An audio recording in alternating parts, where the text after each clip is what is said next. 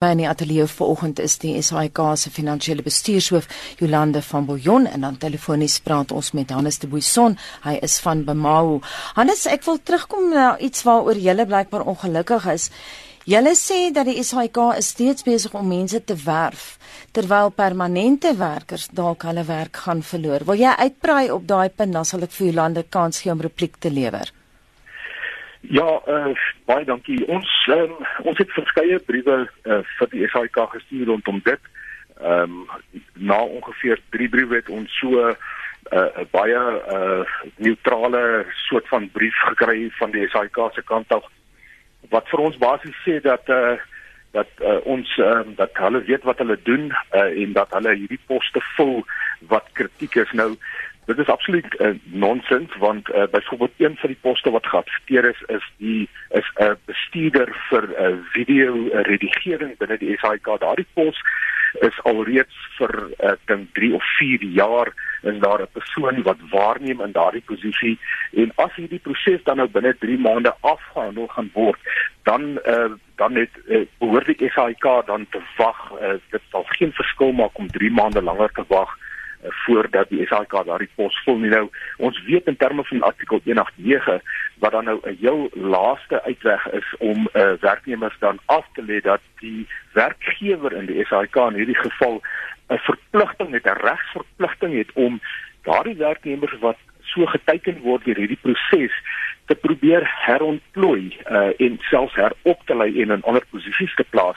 Nou daardie posisies word nou gevul uh deur mense wat uh wat dan die werknemers wat geteken word ontneem van die geleentheid om dan uh in daardie posisies aangestel te word. En dit is ons uh groot uh klagte ten opsigte daarvan. Die SAK is natuurlik uh al starrig oor dit en en en het dit net afgemaak as uh, hulle weet wat hulle doen. Mm. Jolande Dankie Hannes. So inderdaad, um, ons is van mening dat die poste waarmee die aanstellings voortgaan is wat ons noem besigheidskritiese poste. Ek kan nou nie kommentaar lewer op die spesifieke voorbeeld wat jy doen noem nie, maar wat ek wel weet is alle poste wat geadverteer word vandag word uh, aan 'n komitee voorgelê wat bestaan uit myself, die CEO en die COO en en ons ons groep executive uh, Jonathan Tekiso. Uh, en daai groep mense assesseer elkeen van hierdie aanstellings voordat ons besluit om voort te gaan. Daar moet motiverings voorgelê word. In partykeer kan 'n besigheidseenheid selfs gevra word om hulle self te kom verduidelik in 'n manier, maar geen van hierdie besluite word lukraak en onverantwoordelik geneem nie. Daar is sekere um, funksies in die onderneming wat nie deur mense intern gevul kan word nie. Ons adverteer nog steeds beide intern en ex ekstern byvoorbeeld, uh, maar maar ons fokus op absoluut die nodigste en ons bly want ons moet seker maak dat die onderneming kan aanhou funksioneer. Ek wil vir 'n oomblik by jou bly Jolande. Hoe kan die SAIK afleggingspakkette oorweeg as daar nie geld is vir salarisse nie? Hmm. So nommer 1 soos wat Hannes ook tereg sê, daar's verskeie inisiatiewe uh, wat deel vorm van van hierdie 189 sodat aan die einde as daar 'n lys van name is, is dit regtig die minimum want ja, inderdaad, ons het 'n verantwoordelikheid om ander geleenthede vir die mense aan te bied en hulle selfs herop te lei of tot die mate wat dit moontlik is te doen. En ons gaan so voort. Uh wat betref die die so my punt is dat hopelik teen die einde wat jy kom by die die die afleggingspakkette dat die waarde daarvan ook die minimum is. So hoe ek dit sien op hierdie stadium, ons het uh, soos gekommunikeer, ons verwag omtrent 4 miljoen rand jaarlikse besparing uh op die die hoeveelheid poste wat heidaglik geïdentifiseer is alhoewel dit um, eintlik die die minimum is. So in die eerste jaar gaan jy net nie daai tipe van besparing realiseer nie. Jy gaan 'n besparing minus jou settlement pakkette uh, realiseer. En dan in jaar 2 is dan wanneer jy die jou jou ideale besparing behoort te kan deurgee. Hannes. Ja, um, ons ons ons is natuurlik nie uh, ingelaat op daardie planne nie. Ons uh, weet glad nie van uh, van hierdie uh, sogenaamde besparings en die rasionering van koste nie.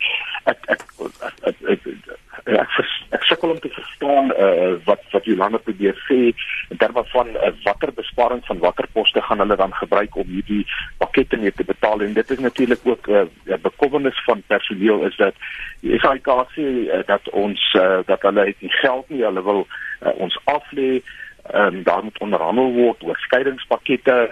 Mense het daar's 'n klomp verlof wat moet uitbetaal word. Uh, dit is uh, gewoonlik mense wat uh, aan die ouer kant is, uh, naby aan pensioen en aftrede is. Daardie mense doop gewoonlik eerste en en dit is daai mense wat wat wat baie verlof het, uh, wat hoë salarisse het, uh, wat lang jare diens het.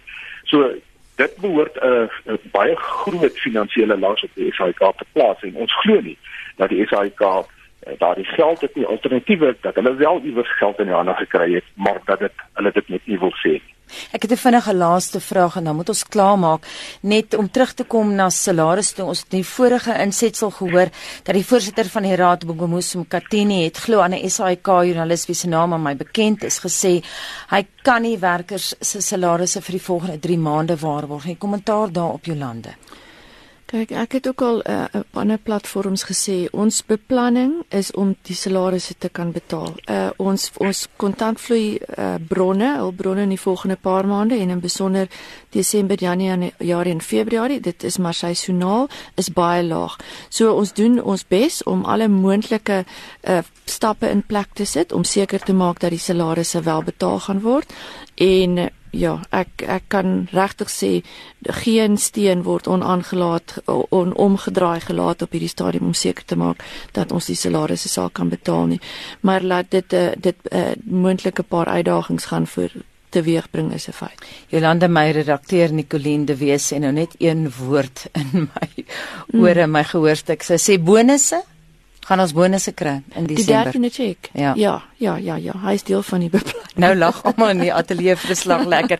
Hannes, vinnig binne 'n minuut laaste woord aan jou. Wel, ons glo dat hierdie proses is uh, defektief. Uh, mens begin nie by artikel 189 proses nie.